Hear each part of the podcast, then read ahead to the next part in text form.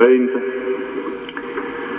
we schrijven boven de prediking van deze avond en onder onze tekst het oordeel Gods.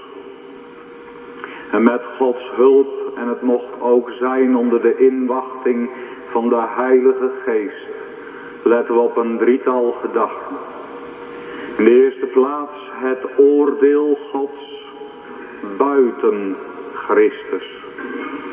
Tweede gedachte, het oordeel Gods tot Christus. En in de derde gedachte, het oordeel Gods in Christus. Eerst dus buiten Christus.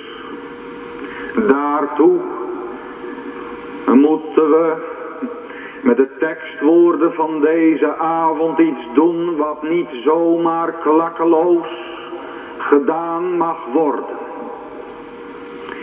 Want de schaduwzijde of de achterzijde van deze tekst zal een ogenblik naar voren moeten komen.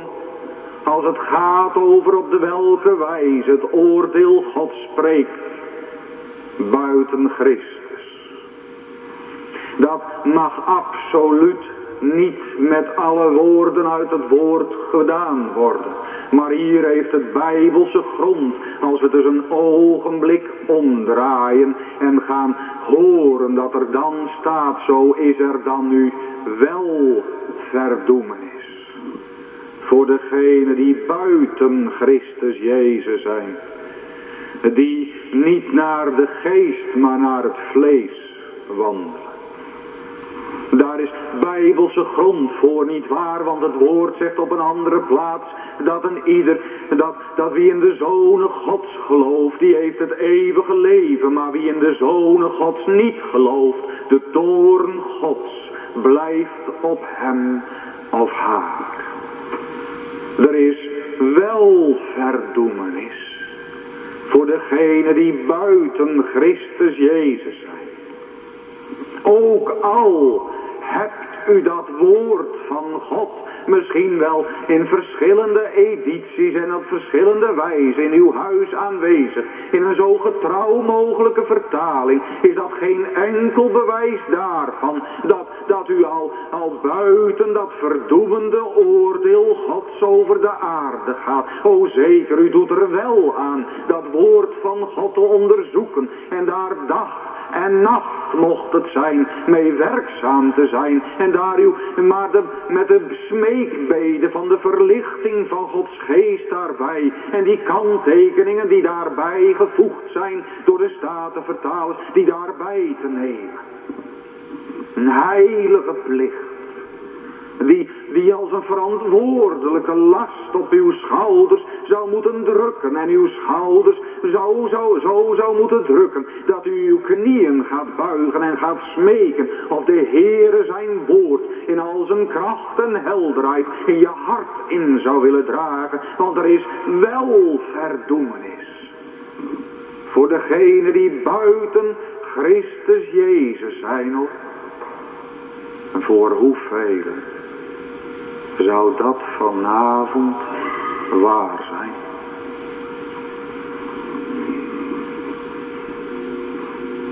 Wie zou niet wenen bij de gedachte dat er maar, maar al was er maar één in heel deze gemeente die verloren zou gaan. Wie zou niet wenen? Want dit is een eeuwige verdoemenis. Dit woord verdoemenis, wat hier door de statenvertalers heel terecht met verdoemenis is vertaald, heeft vanuit de grondtaal ook die diepe betekenis daarvan. Want, want het is een woord dat niet alleen maar het oordeel Gods aanduidt over de overtreding van Gods geboden hoor. Het woord draagt ook in zich om dat daar de straf onmiddellijk in verbonden ligt. Dat woord verdoemenis is niet alleen het oordeel Gods, maar ook de straf Gods. En daarom zijn er zoveel moderne vertalingen zo mis. hier alleen maar dit woord vertalen met het oordeel Gods. Zo is er dan nu geen veroordeling, klinkt het dan. Zo mis. Zo de, de deel van de klemmende ernst wegvertaald. Verdoemenis geeft een veel helderdere en veel betere zin aan wat het grondwoord beduidt. Niet alleen veroordelen, maar ook de straf die daarin opgesloten ligt en zekerlijk uitgevoerd zal worden. En daarom u hebt misschien, misschien bent u er ook wel een die, die zo'n parallel editie ergens van thuis hebt staan.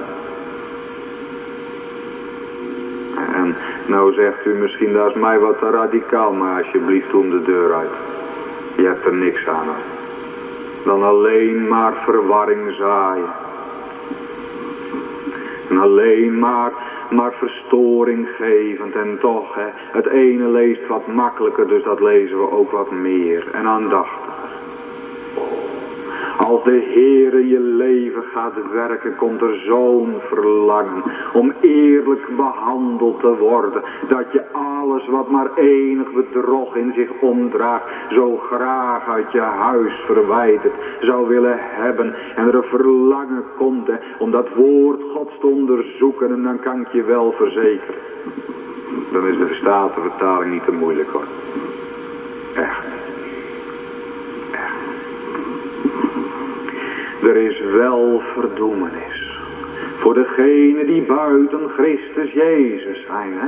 En als, als dat nu waar is en er hier vanavond één of misschien wel zeer velen zijn die nog buiten Christus Jezus zijn. Wat is dan de reden dat u nog niet, dat jij nog niet in de hel ligt? De enige reden is het welbehagen Gods. De enige reden is dat hij er tot op dit ogenblik nog geen lust in heeft nog geen welbehagen in vindt en het naar zijn raad nog noodzakelijk is vanavond in Gods huis te zijn. Maar er is ook geen enkele andere reden te bedenken hoor. Want, want uiteindelijk, hè, hij heeft toch de almacht om dat onmiddellijk te doen. En er is geen seconde uitstel meer te bedenken. Want dan zouden al diegenen hè, die tot hiertoe onwedergeboren op de aarde zijn, zich verzamelen.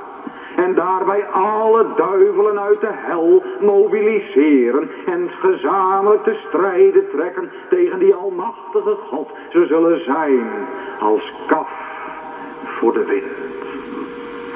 Tegenover de toorn en de almacht Gods. Dat zal u nooit lukken om tegen God te strijden en staande te blijven bovendien. Bovendien hebben wij buiten Christus geen enkel recht om dat doemvonnis Gods te ontlopen. Daar is in de gerechtigheid Gods, in de rechtvaardigheid Gods, helemaal niets te vinden wat wat ook maar enige aansluiting vindt bij ons bestaan, bij uw, jou en mijn hart en leven. Daar is niets te vinden waarin er bezwaar gemaakt zou kunnen worden tegen dat doemvonnis. In Adam zijn wij al verdoemelijk voor God. Als nageslacht van die eerste Adam, in zonde en ongerechtigheid geboren, aan allerhande ellendigheid, ja de verdoemenis zelf onderworpen. Dat geldt voor de kleinste kinderen in de gemeente, voor de babytjes, voor de jongens en meisjes, voor de jeugd, voor de ouderen. Maar niet alleen dat kwaad is dat roept om straf. Heel ons bestaan is verdoemelijk voor God. Wij zijn verdoemelijk voor God. op ons werk, op school, tijdens vakantie, achter de computer, in de slaapkamer en in de kerk, onder het woord Gods, verdoemelijk voor God. En, en nu een eenvoudig beeld, maar wel zeer ernstig, waarvan ik hoop dat u het zult onthouden bij elke voetstap die u nog zet op deze aardbodem. Er is wel verdoemenis voor degene die in Christus Jezus zijn. Weet u hoe u deze aarde in zou moeten beschouwen als een deksel. Dat ligt op een put. En die put, daarin ligt de diepte van de toren Gods. Daarin ligt het de eeuwige pijn en de eeuwige verdoemenis, zonder ooit enige verlichting. En wij wandelen over dat deksel heen.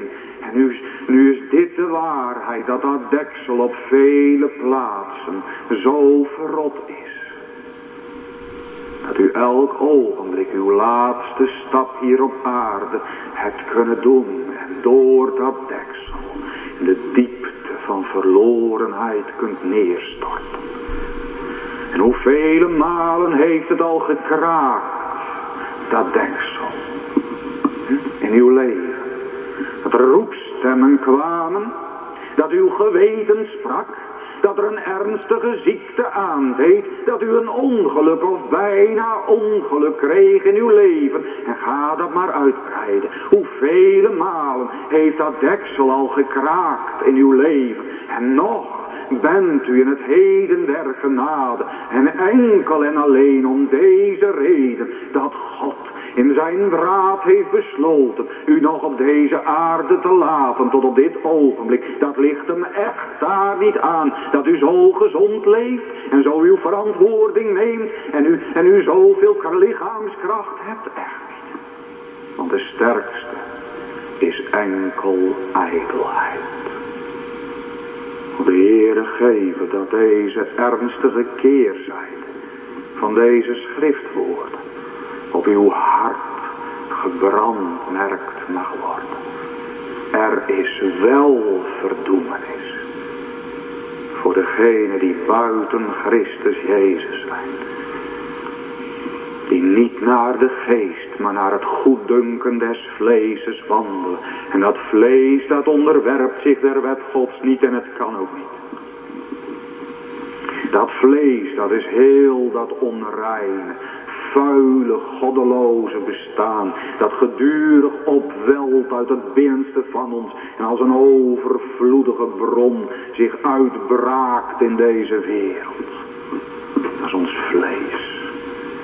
En wie daar naar wandelt en daar alleen naar wandelt. Zal het doemvonnis treffen. Zeker. O, de Heere geeft de ernst eens gevoeld wordt. Lieve kinderen, weten jullie hoe lang de eeuwigheid duurt? Kun je niet zeggen, hè? Maar als er hier, nou hè, dat is een, misschien wel een bekend beeld, maar toch. Als er nou een één vogeltje zou zijn, die, die langs de hele kust van Nederland elk jaar één korreltje zand zou wegnemen. En die zou die wegnemen en daarmee wegvliegen en elk jaar opnieuw terugkomen om één korreltje zand weg te nemen. Hoe lang zou dat vogeltje erover doen om heel de kust, al dat zand aan de kust van Nederland weg te krijgen? Niet te zeggen. Wel nog oneindiger dan dat is de eeuwigheid. Lieve kinderen, vraag de Heer om een nieuw hart. En stop er niet eerder mee dan dat je het hebt. Eerder niet stoppen hoor. Gaan naar onze tweede gedachte. Het oordeel Gods tot Christus. Op welke wijze gaat u dat oordeel van God, dat, dat, dat woordje verdoemenis, een rol spelen in het leven van Gods kinderen? Hè? Oh, wanneer is daar een ziel in Christus? Wel, u weet wellicht dat zowel het Oude als het Nieuwe Testament en de leer van onze vaderen is, dat, dat waar een ziel wederom geboren wordt, waarin dat almachtige wonder van de Heilige Geest plaatsvindt, en daar die waarachtige wedergeboorte plaatsvindt, daar een afsnijding uit die oude stam Adam plaatsvindt, en een inenting in die nieuwe stam, die tweede Adam, Christus plaatsvindt in Christus. Dat is wat er hoofdzakelijk zal moeten gebeuren in uw, jou en mijn leven, als dat nog nooit gebeurd is. Wij moeten wederom geboren worden. Zullen wij dat doen, vonnis Gods ontlopen en het koninkrijk Gods gaan zien. Dat is het eerste. Maar weet u wat nu de zaak is? Wanneer zo'n ziel, nou dat welbehagen Gods, want daar alleen vloeit het vandaan. Vanuit dat eeuwige welbehagen Gods, dat hier in de tijd waarin de eeuwigheid toe besloten is, maar in de tijd een ziel wederom geboren gaat worden. Hè? Wanneer, wanneer nu in de tijd dat wonder plaatsvindt, wat gebeurt er dan met zo'n ziel die wederom geboren wordt? Wel, die gaat voor het eerst in zijn leven zien welke ontzaglijke inhoud dat woordje verdoemenis met zich meebrengt. Daar gaat dat woord een lading geven op de ziel, waar ze eerder blind voor waren, waar ze eerder geen oog voor hadden, waar ze aan voorbij leefden en maar over dat deksel heen huppelden, vrolijk en dartel. Maar nu, wetende dat elke stap de laatste kan zijn, wordt daar gevoeld hoezeer dat woord verdoemen is betekenis krijgt. En dat door woord en geest.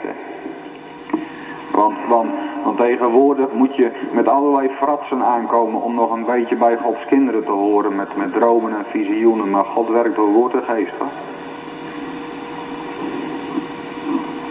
En hoe wonderlijk het er verteld wordt, hoe, hoe echter het lijkt. Hè?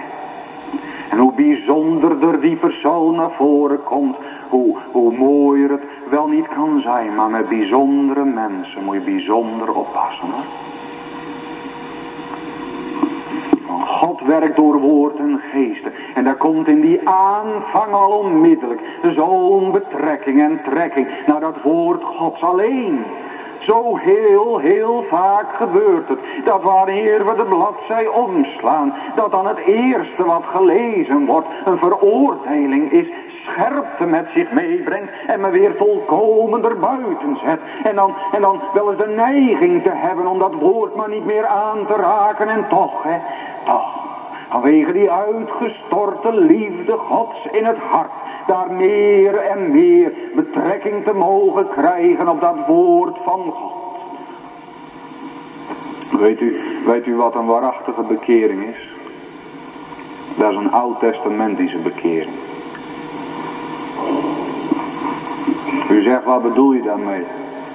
Wel, daar bedoel ik mee dat, dat wanneer de Heer gaat werken in een ziel, dat hij in de eerste plaats te maken krijgt met de geest der dienstbaarheid wederom tot vrezen. Die dienstbaarheid wederom tot vrezen, dat was de weg waarin de Heer zijn kerk leidde in het Oude Testament. Waar dat volle licht van het evangelie nog niet doorgebroken was, omdat Christus nog niet verheerlijkt was, die geest nog niet uitgestort was. Wel daarin gaat de Heere werken met die geest der dienstbaarheid, wederom tot vrezen. Die gaat de ziel bearbeiden en met de wet confronteren. Met de heiligheid van God die doorstraalt in zijn wet. Want die wet is een aanduiding van het wezen Gods. En die wet die gaat in zijn geestelijke diepte geleerd worden door de Heilige Geest. En die wet gaat die geest gebruiken als, als een tuchtmeester, als een opvoedkundige tot Christus. De vrezen waarmee de ziel bezet gaat worden. En nu is, nu is dit een beeld van een oud vader wat zo aansprekend en helder is. De wet gaat voorop. Als een naald. Die voorop moet gaan, zal, zal daar de draad door de stof heen kunnen blijven gaan. Zal die naald voorop moeten gaan. Wel zo is het met de wet. Is als een naald die prikt in ons bestaan. En ons pijn doet, zeker waar. Maar achter die naald aan, hè, in de zaligmakende bediening van de geest, komt daar die zijden draad van het evangelie van vrije genade. Om te hechten, om te helen. Nooit, nooit zal er hier in Middelburg of in Oldebroek of waar u ook vandaan komt, één ziel zijn die de vrijheid die er is in Christus Jezus zal leren kennen in zijn hart en leven, als niet die wet in zijn verdoemende en veroordelende kracht in ons leven voorop is gegaan. Daar zal nooit een de volheid van de genade die er is in de Heer Jezus Christus gezien worden. Als niet die geest zelf daar ons door met de wet in aanraking brengt. En ons gaat overtuigen van zonde, gerechtigheid en oordeel. Dat is geen mensenwerk hoor. Dat is ook geen duivelswerk en dat is ook geen zaak van enige welsprekendheid waardoor we wel eens geraakt kunnen worden, maar ondertussen dezelfde blijven. Is er hier in Middelburg nog een ziel die wel eens schreeuwend over de aarde gaat? Die met de benauwdheid in de ziel over de aarde gaat. Er is wel verdoemenis. En ik ben buiten Christus. Dat je met de vrezen bezet bent en niet weet waar je het moet zoeken. Zijn er zulke zielen nog? Zit er hier nog één die wel eens rusteloos door het huis heen loopt en van kamer in kamer trekt en het nergens kan vinden en dan maar weer die knieën buigt en maar weer een hemel als van koper lijkt te ontmoeten en het niet weet en maar radelozer en radelozer gaat worden omdat die wet in zijn verschrikking doortrekt en je zelf niets hebt om voor God te kunnen bestaan. En nu is het waar hè. En dan moet u altijd maar onthouden dat zwaard van de ontdekking. Dat is gedrenkt in het bloed der liefde. En al kun je daar zelf niks van bekijken en al zou je dat niet kunnen verklaren. Het is wel precies dat. En niets anders dan dat. Dat je bewaart voor een wanhoop die naar het vlees is. Het is precies dat wat je ziel dan toch niet bij God vandaan doet vluchten, maar juist naar hem toe doet vluchten. Die liefdesbanden die het gaan trekken. Hè? En, en, en dat je niet weggeslagen wordt, maar steeds naderbij mag komen, alhoewel dat voor je eigen waarneming alleen maar omkomen is. En nu die geest van Christus, die is er niet op uit om die wet in zijn bediening maar te hanteren om je daarmee beter te maken. Want het eerste doel van de heilige wet Gods in de overtuigende gangen is om je te openbaren dat je bedorven. Dat je slecht bent. En dat de zonde te meerder wordt. Hè? En, dat je, en dat er bloot gaat leggen. Dat je steeds mogelijker voor God wordt. En in je hart niets anders dan vijandschap tegen de wet. En, en, en uit je leven niet anders dan goddeloosheid voort ziet spruiten. En daar dwars doorheen. En ook daarin is de Heere vrij in welke mate en op welke wijze hij dat doet. Kunnen er wel eens van die ogenblikken zijn dat je in Gods huis zit en dat je je predikant dingen hoort verklaren waarvan je denkt. Dat is me toch niet vreemd. Zou het dan toch? Zou het nog kunnen? Zou ik dan toch nog een beetje hoop en moed mogen krijgen? Dat er wel eens dingen gepreekt worden waardoor je een ogenblik mag ademhalen en weer lucht mag happen en je weer eventjes verder kan. Maar, maar als, die, als dat, dat, dat lichtpuntje dan weer weggaat, als, als dat water wat, wat even omhoog kwam dan weer wegspoelt, gelijk zoals het is bij de zee, als het vloed is, dan kan dat water wel eens hoog komen en een deel van je lichaam gaan bedekken, maar zodra het weer eb wordt, dan sta je weer met twee benen op zand. En als dan de slagregens zullen komen, dan is het voor je eigen waarneming toch verloren, verloren. Voor eeuwig verloren. De Heilige Geest, die laat je voelen dat de Heere zo waarachtig is in zijn verdoemend oordeel. En dat het zo rechtvaardig is dat juist dat oordeel en die straf uitgevoerd gaat worden in je leven. Hoe zul je ooit de uitnemende rijkdom gaan beleven van Romeinen 8 vers 1. Dat er geen verdoemenis is. Hè? Zal je ooit de rijkdom van dat evangelie van vrije genade in je ziel gaan ervaren. Dan zal toch die wet in je leven hebben gesproken. En nu wil ik het er niet over hebben en met u gaan twisten over hoe intens dat beleefd wordt en over hoe lang dat wel niet moet gaan duren in je leven. En, en, en op welke wijze daarin de leidingen gods kunnen zijn, want dat weet God veel beter dan dat wij dat weten. En daarin ligt onderscheid in het leven van Gods kinderen. Daar is een Paulus, een Saulus van Tarsen die drie dagen en nachten de benauwdheid is geweest. Er is ook een Bunyan die vijf jaar in de vrezen van die dienstbaarheid heeft gewandeld. En er zouden nog andere voorbeelden met andere tijd aanduidingen gegeven kunnen worden. Maar, maar God speelt geen spelletje met je. Het is maar geen spel dat gespeeld wordt. De Heere die is erop uit dat je eindelijk eens alle vertrouwen van dat verdoemelijke vlees zoudt aflaten. Alle vertrouwen van het menselijke en van het werken en van de wet eens weg zou laten. En het alleen, alleen met Jezus Christus zal doen. Alleen. Dan kunnen er tijden zijn dat je s'morgens wakker wordt. En dat je zucht van verlichting slaakt. En, en, van verlichting zucht dat je nog in het heden der genade bent.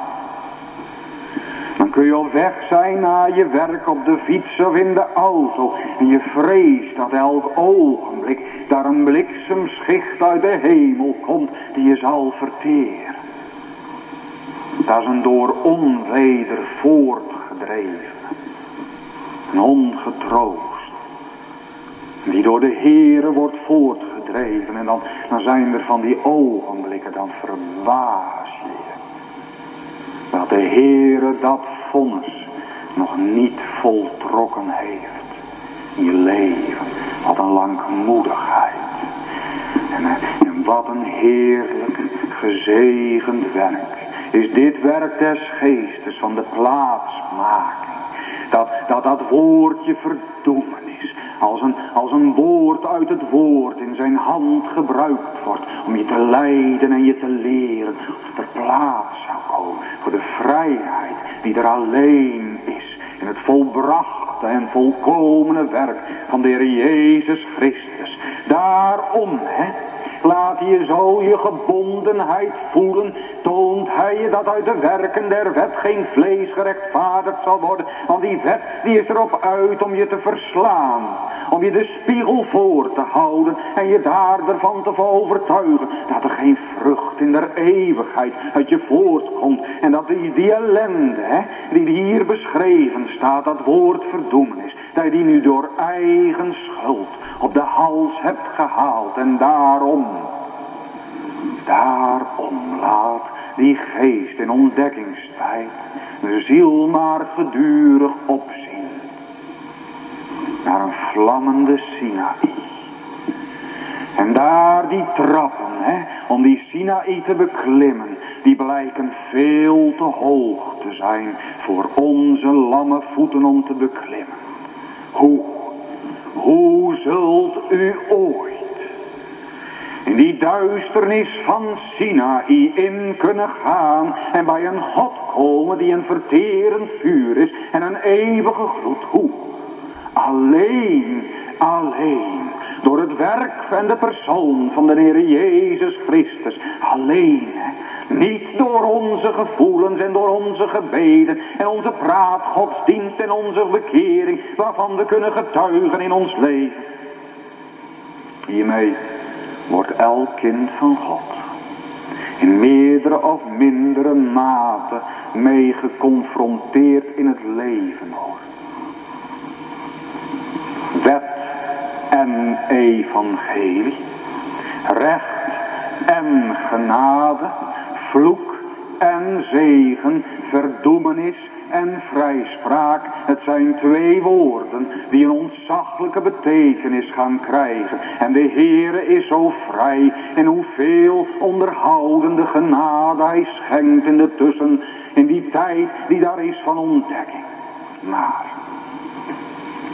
nu zijn het heel vaak juist diegenen die zo heel netjes en oppassend en godsdienstig geleefd Juist diegenen die zozeer door de geest met de schrik van de wet geconfronteerd worden. U zegt waarom dan? Wel om deze reden. Dat het nu zo'n werk is. Om een ziel van zijn eigen gerechtigheid en zijn opgebouwde vroomheid af te brengen. Dat is zo'n werk. Dat, dat de Heere zelf zijn geest juist in, de, in, in, in een hele duidelijke mate gaat, van, gaat tonen. Hè, dat inwonende verderf dat veel ernstiger is dan je ooit had kunnen denken. Opdat je al je vertrouwen op je welmenendheid en je ernst en al die handwerkjes uit het werkverbond eens rechtstreeks zou verlaten. En het alleen met hem zou doen. Hij laat je zien hoezeer je gezondigd hebt tegen het licht van Gods woord in tegen de gewetensovertuigingen in. Je zou je dood wenen. Van verschrikking, ellende en de droefheid naar God. Echt. Opdat er helemaal niets van onze trots over zou blijven. Wij moeten wrak gehaald worden. Blinden die geleid worden in een weg die we niet geweten hebben en niet gekend hebben. En daar zijn we vijanden van. U, jij en ik. Echt.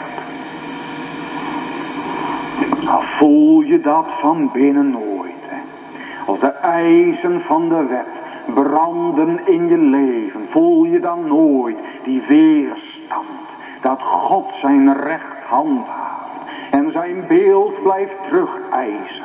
En dat rechtvaardig. Dat je bij jezelf zegt, hè, nu eist God iets van mij wat ik niet kan. Hij wil maaien waar hij niet gezaaid heeft. En je kromt je als een bies en je leeft in het raakt niet en smaakt niet en roert niet aan. En God accepteert er allemaal helemaal niets van. Echt niet hoor. Echt. Helemaal waarachtig niets. Alleen de genade die er is in Christus Jezus, die zijn kerk geworden is tot wijsheid, tot rechtvaardigheid, tot heiligheid, ja tot een volkomen verlossing. Daar alleen ligt de vrijheid. En dat, dat is ook de blijdschap. Dat wordt wel eens zo de blijdschap van Gods kinderen. Wat zegt u? Wel onder andere dit dat er nu helemaal niets van mij meedoet tot verheuging. En dan, zou ik u een vraag willen stellen vanavond. En de kinderen, kinderen, geloven jullie dat er een God is die leeft? Jeugd, ouderen. U zegt dat geloof ik wel, ja. Gij doet wel, zegt Jacobus. Maar de duivelen geloven het ook. En zij sidderen. Voor hoeveel kerkmensen in Middelburg geldt het dan niet dat de duivel meer gelooft dan u. Ja, zegt u, maar, maar ik, ik, ik, ik ben wel eens benauwd. Hoor, er zijn wel eens van die ogenblikken dat ik zo bevreesd ben voor de dood. En dat is toch niet van mezelf. Nou zeker, de Heilige Geest die kan in zijn algemene bediening je geweten wel eens openscheuren. Terwijl je toch jezelf blijft. En toch niet die wezenlijke verandering in je leven is doorgetrokken. Ja, zegt u, maar, maar bij mij ligt het nog wat anders. Want, ik ween wel eens over de zonde. En ik ga de hele dag in het zwart. Oh. Maar, maar dan, dan wens ik u toch vanavond eerlijk te behandelen. En dan moet ik u zeggen dat dat zonder meer geen teken van genade is hoor. Want uiteindelijk, er is ook een Ezou in Gods woord die weende, hoewel hij een plaats des berouws met tranen zocht en niet vond. Weet u wat de geest doet? Hij gaat u confronteren met de heiligheid en de rechtvaardigheid en de majesteit Gods. En hij gaat je daarin openbaren wie je nu zelf bent. Omdat er een droefheid naar God komt. Dat er een bekering plaatsvindt tot God in je leven. Opdat je zou leren hè, dat je een zaligmaker buiten jezelf nodig hebt. En, en al, al zou je nu hier in Middelburg je hele leven je afmartelen en in precies in het paadje van de godsdienstigheid blijven en, en misschien al wel veertig jaar aan het avondmaal deelnemen en, en, en zo ernstig bent en zo bidt en zo strijdt en zo worstelt en zo bezig bent met het woord van God en misschien zelfs wel heel erg werkzaam in allerlei stichtingen en besturen waar je je leven bij wijze van spreken voor opoffert. Wat zal dan uw loon zijn? De hel. De hel. Want er is alleen geen verdoemenis voor degenen die in Christus Jezus zijn. En dat is nu zo onmisbaar nodig. Dat ik hem leer kennen. Dat ik, dat ik hem leer zien. Dat hij aan mijn ziel geopenbaard wordt. Dat de wonder in mijn leven getoond gaat worden. Maar ook ontvangen wordt. Alleen uit genade om Christus wil. Gered, gereinigd en gezaligd te worden. Misschien is er vanavond een in ons midden. Die dat wonder in de nacht van je bestaan heeft mogen zien. Toen je dat recht van God zo lief kreeg dat je het mocht toevallen. Dat Christus aan je ziel geopenbaard is geworden. Als de enige weg ter ontkoming. Als die grote borg en middelaar in wie je toch, ondanks al die vloeken der wet, ondanks dat dat woord verdoemen is, zo door je ziel gedreund heeft, toch zalig zou kunnen worden. Als je maar voluit in hem zoudt kunnen geloven. En zit het hem daar niet op vast? Is dat niet waar dat dat, dat, dat, dat, dat nu zo onmogelijk gaat worden in je leven? Dat je nu dat dat woord gelooft in de Heer Jezus Christus en gij zult zalig worden. Dat daar maar, maar niets van terecht komt omdat je zo verschrikkelijk vol met ongeloof bent. Dan wel tegen de duivel te kunnen zeggen wanneer hij zegt je zult nooit zalig kunnen worden. Zo een als jij bent, dat is te erg. Dat is te, te erg. Je leidt zulk een dubbel leven, man. Dacht je dat God dat niet zag? Dan toch te kunnen zeggen, maar het kan wel hoor. Het kan wel, maar om Christus wil alleen. Maar dan hè. Maar dan. En dan, en dan, dan, dan zit je wel eens in Gods huis en dan, dan word je in de prediking geschilderd een leidende borg en zalig maakt. En dan, dan zie je hem daar staan terwijl hij gescholden wordt en hij niet terugscheldt. En dan ligt er zo'n betrekking op hem. Er is zo'n dierbaarheid in hem te vinden. Als het ware wegsmelt. En, en o zo graag aan zijn zijde zou willen staan. Maar oh, dan komt die slag naar binnen. Je hoort bij die schelders hoor. Je hoort bij diegenen die hem uitschelden. Dat je zonde bestaat. Een andere keer, dan, dan wordt hij u vanuit het woord getekend als, als die, die middelaar die met die doornenkroon om zijn hoofd getimmerd, dat bloed langs de wangen ziet lopen. En u, u merkt het zo, hè, dat je hart naar hem uitgaat en je voelt, deze is zo gepast voor mijn omstandigheden. Maar oh, dan weer met een slag naar binnen en zo'n dubbel gevoel naar huis te gaan. Want ik ben het die met mijn zonden die kroon heb gevlocht. En dan, dan dat ene hoopje wat er was, wordt weer zo ter neergedrukt. En je dreigt weer terug te vallen in, in de werken der wet en weer onder dat doemvonnis terecht te komen. En dan, dan, dan, dan wordt daar, breekt daar Goede Vrijdag aan. En dan worden daar die nagels door zijn handen geslagen en door zijn voeten. Wordt hij daar aan het vloekhout gehangen. Hij in de plaats van zielen die rechtvaardig vervloekt zouden moeten worden. Hij rechtvaardig voor de onrechtvaardigen. Het handschrift der zonden uitwissende aan het kruishout op Golgotha.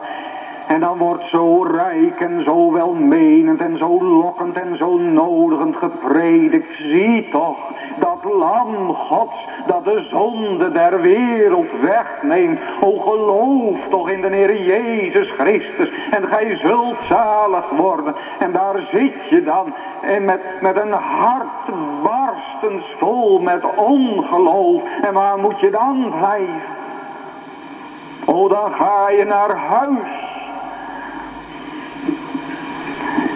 een wanhoop. Die wel zeer ziel profijtelijk is. Maar je leven gaat verteren. Want dan niet alleen verloren te moeten gaan vanwege de vloek der wet.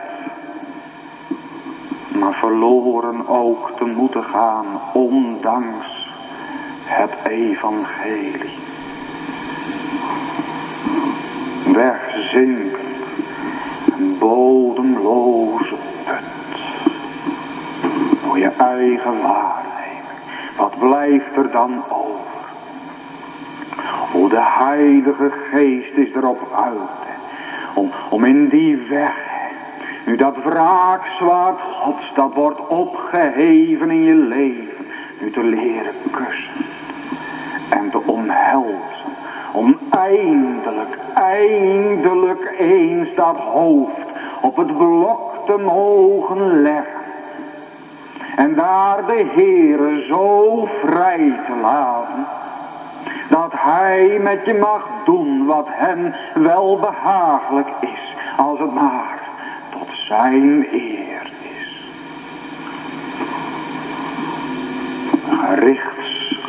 Gerichtsonderhandeling die overgaan in een gerichtsafhandeling. De vierschaar van het geweten, door woord en geest hoor, nogmaals. En daar ben je dan. In de rechtszaal met een rechtvaardige rechter. En totaal onrechtvaardig beschuldigingen te over en overal moet amen op gezegd worden. Hm? En dan dat wonder.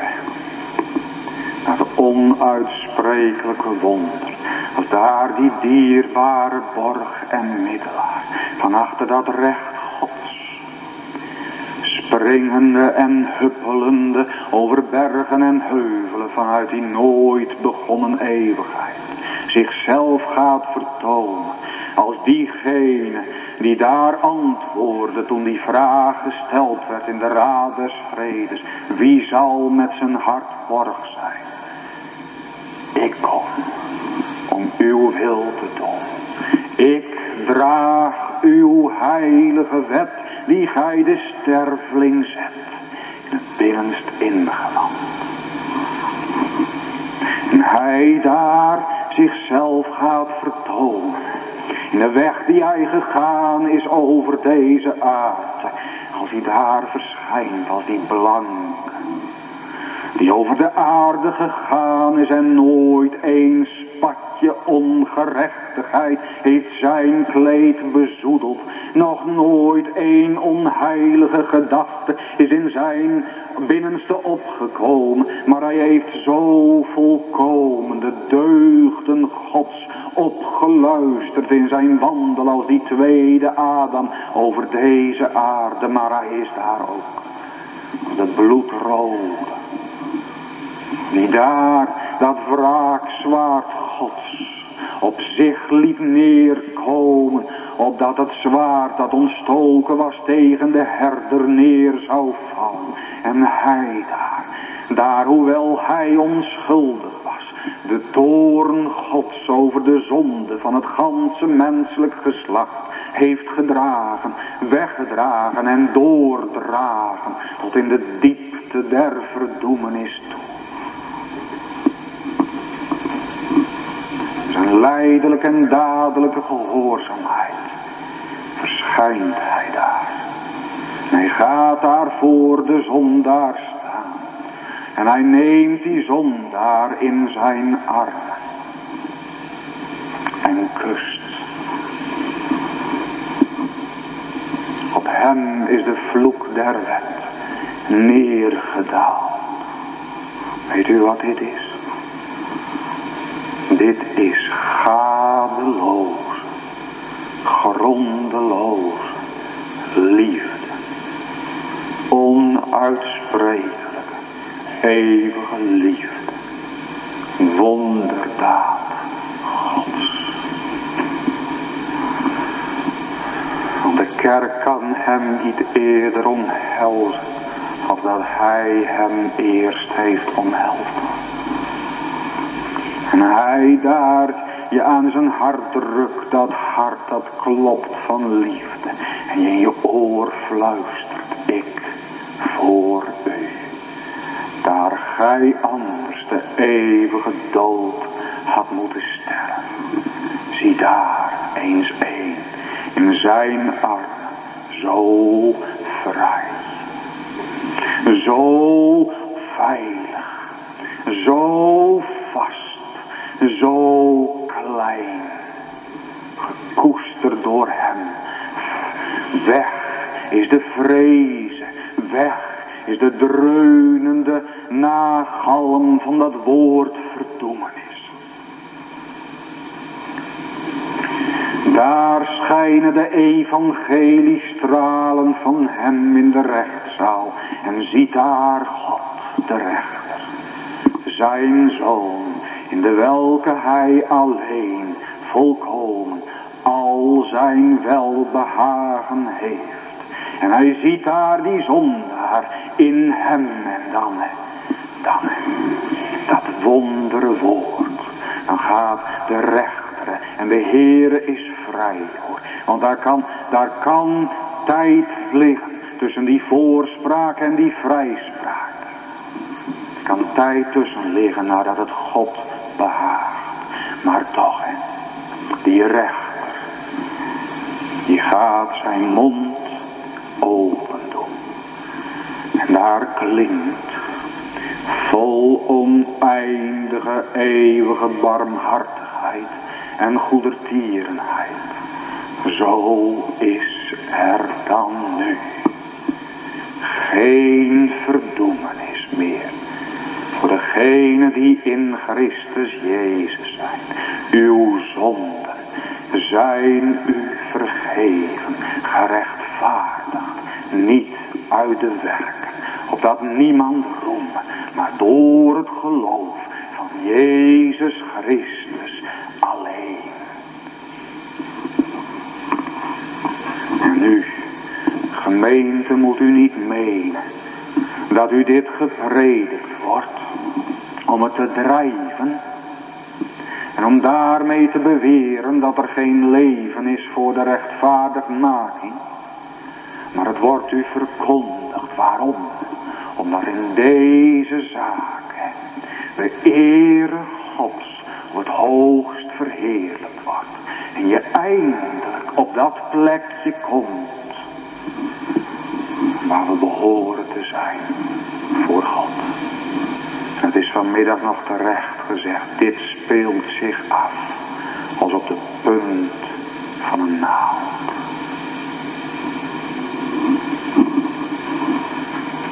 En het gaat er niet om om dit te drijven.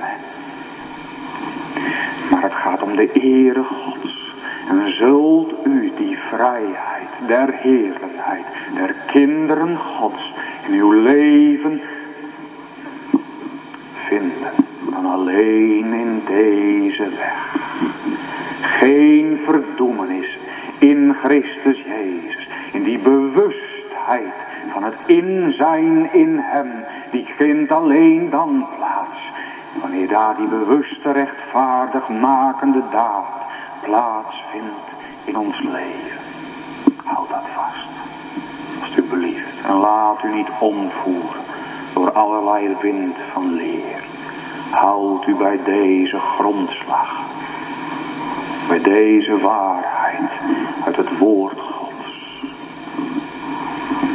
En dan, hè. Die moet kort worden. Maar, maar dan nog heel kort dan vooruit. Die derde en laatste gedachte. Hè.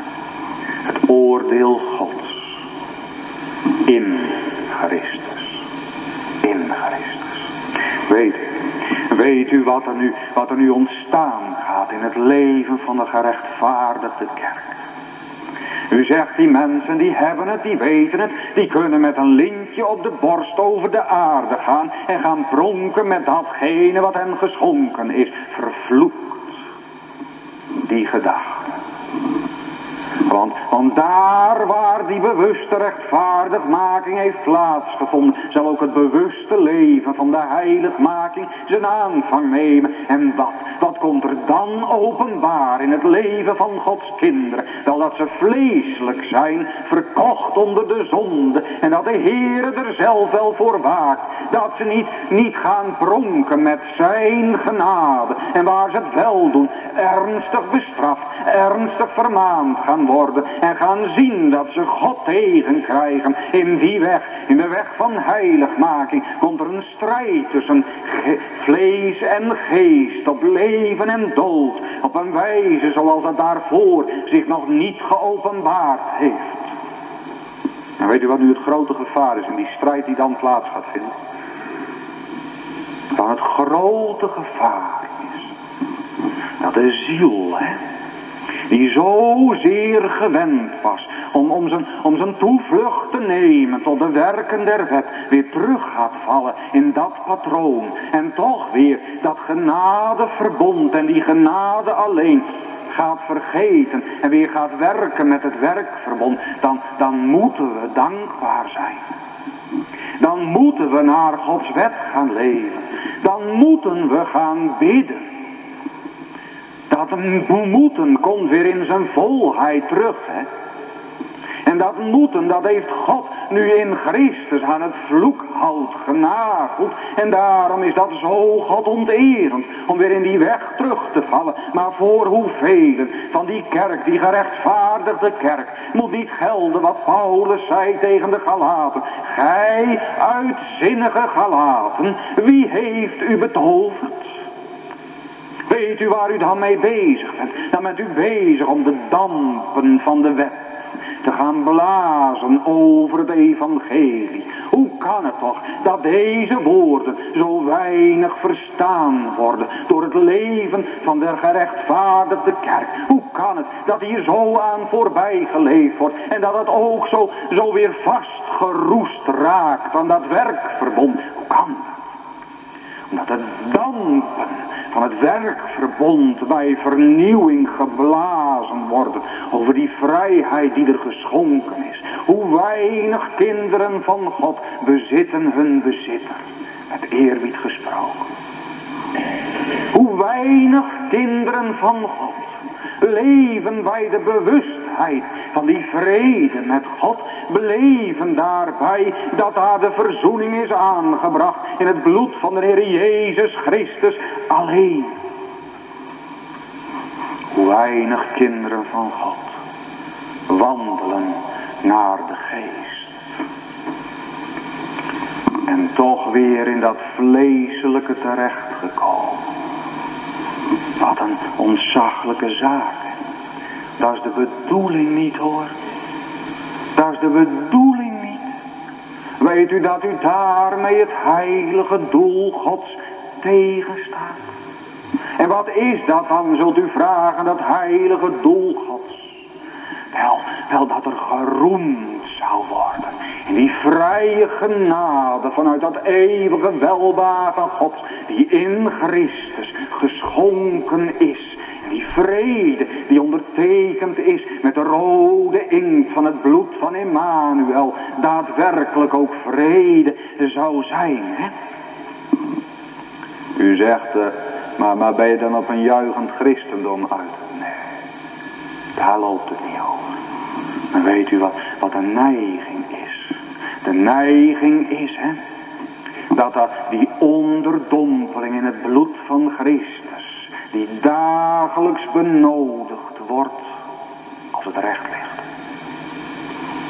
bezoedeld gaat worden, omdat wij hem nooit anders hebben te bieden dan zonden en zweren. En we willen zo graag wat anders aanbieden. Vervloekte wil.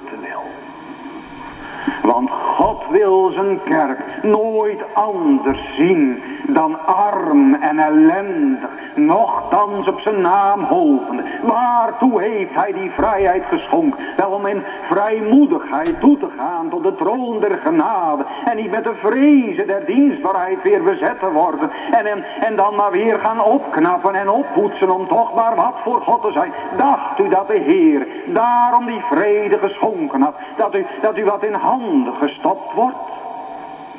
En dat u met wat aan kunt komen dragen? Oh nee.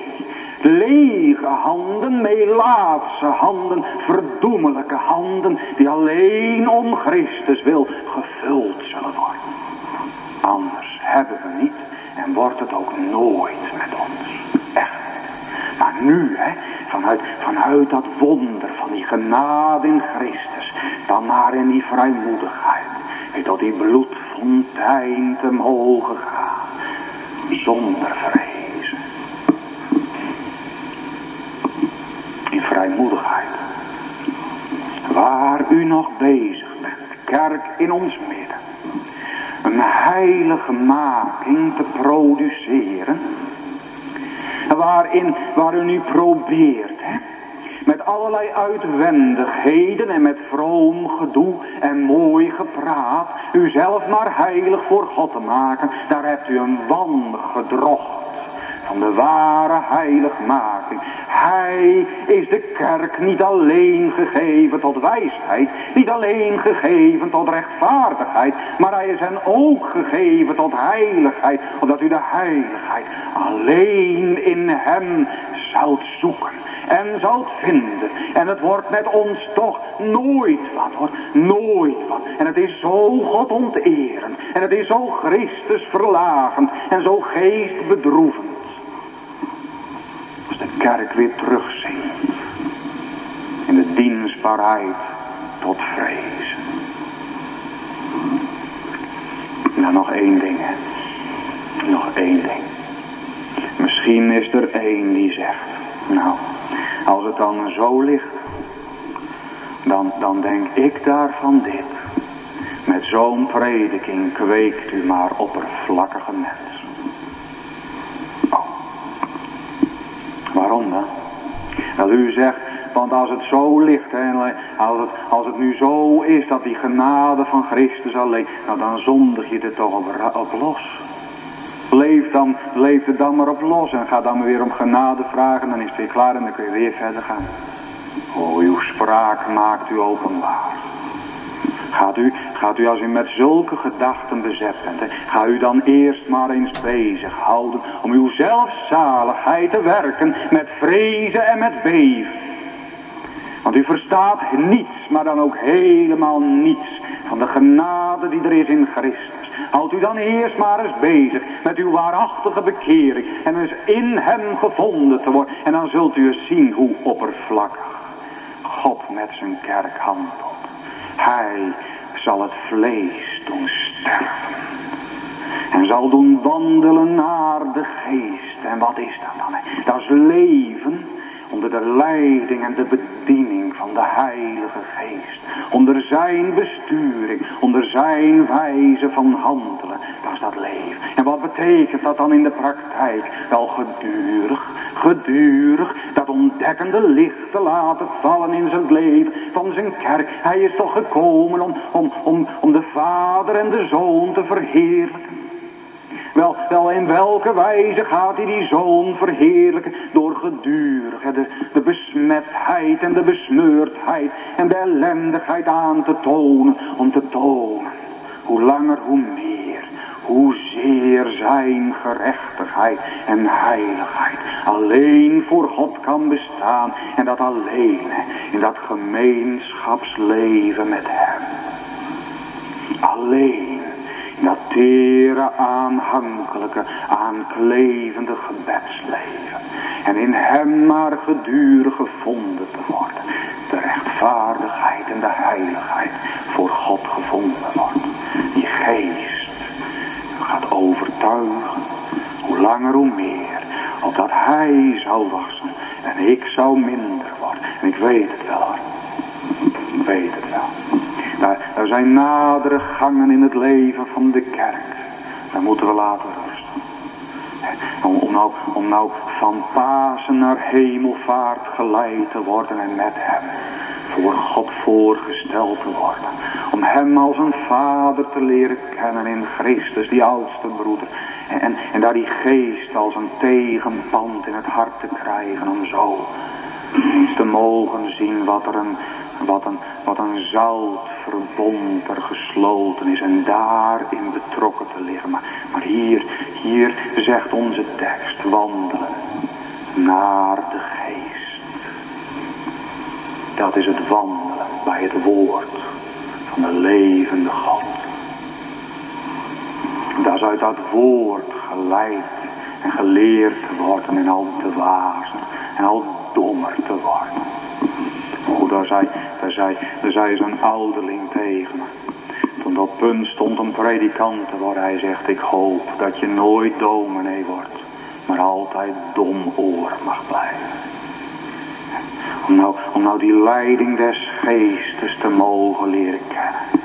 En nou dat woord geleid te worden en gezien te mogen zien. Wat de Heer daarin een schatkamers van genade heeft besloten. En al die kamers die hij opent voor zijn kerk, die zijn voor hem om Jezus wil. Die geest die leidt tot in de eeuwige zaligheid toe. Waar het lam gezien zal worden. Waar er een vreugde zal zijn die onbepaald, onbeperkt is. Eindeloos, stoorloos. Je in God te mogen verlustigen. Omdat er geen verdoemenis is. Voor degenen die in Christus Jezus zijn. Die niet naar het vlees, maar naar de geest wandelen. De Heere Heilige, deze woorden aan uw, jou en mijn hart uitgenade. Amen.